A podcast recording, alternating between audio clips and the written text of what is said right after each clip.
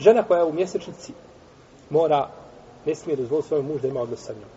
Ma dosta škaraca, žena je možda saznala neke stvari o vjeri, možda je počela klanjati i tako dalje, a on ništa ga ne zanima. I ona u mjesečnici ona hoće da ima odnos sa njom. Ona mu ne smije dozvoliti. Ne smije mu se tu pokoriti nikako. Mora spričavati, spričavati. Ako je natjera prisili da ne može izbjeći to, znači prisilom, nakon koje nema ovaj, ne može li izbjeći tu prisilu, onda biva grijeh na njemu, a ne na njoj. Grijeh biva na njemu zato što je prisilio. Ona je dužna samo da traži oprosta od Allaha Đeoša.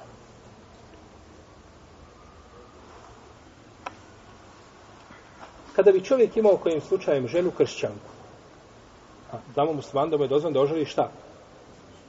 Kršćanku. Kitabiku, židovkinju ili kršćanku, kitabika, znači, koja se pripisuje a, Erl Kitabu, nije dozvoljeno ženiti. Čak i današnje kršćanke. Neko kaže, nisu to kršćanke, to su mušriki. Zato što kažu šta, da je Isa Bog.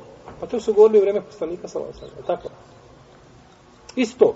Allah žan u tome u Kur'anu govori. I opet je naziva kako? Ehlul Kitab. Pa što ime je nazivao Ehlul Kitab? Znači, ali taj širk koji se čini, on je, on je došao ispiranjem čega? Nebeske objave. Pa je osnova njihove vjere šta?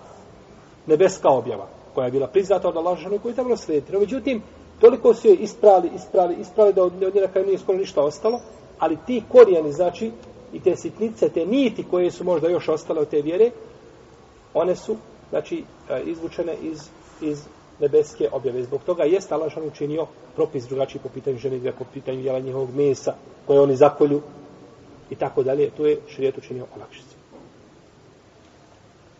Kada bi čovjek imao ženu kršćanku, dok ne može čovjek imati ženu koja je mušrikinja, ona čista, 100% originalna.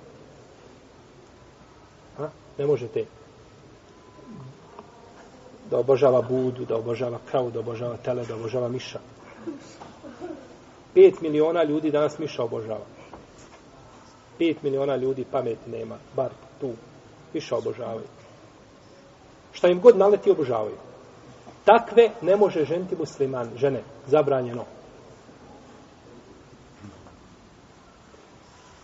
Kada bimo ženu kitabiku i ona ima ciklus i nakon ciklusa prestane krvarenje, da li se mora i ona kupa da bimo sa njom odnos?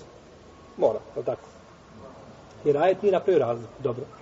A da li je može prisiliti da se kupa? Ona ne stoji, ona kaže, ja nisam prihvatila islam, ja sve sam udala za tebe, nije duža da prihvati islam. Ona može sa svom, znači da svoj nevjer na koje je bila. A mo, mora, može li je prisiliti? Može. Može zato što ova prisila je ovdje vezana za čiju vjeru? Za vjeru muslimana. U tome slučaju ne može prisiliti da klanja niti je Bože prisut. Ima li on veze kakve njen namaz sa njim? Nema. Njen post sa njim? Nema. Ali ima veze kupanje, jer joj ne može prilaziti on, tu se stvara zapreka, barijera. Tako dakle, da je može prisiliti, znači da uradi ono što od nje zahtjeva šerijat.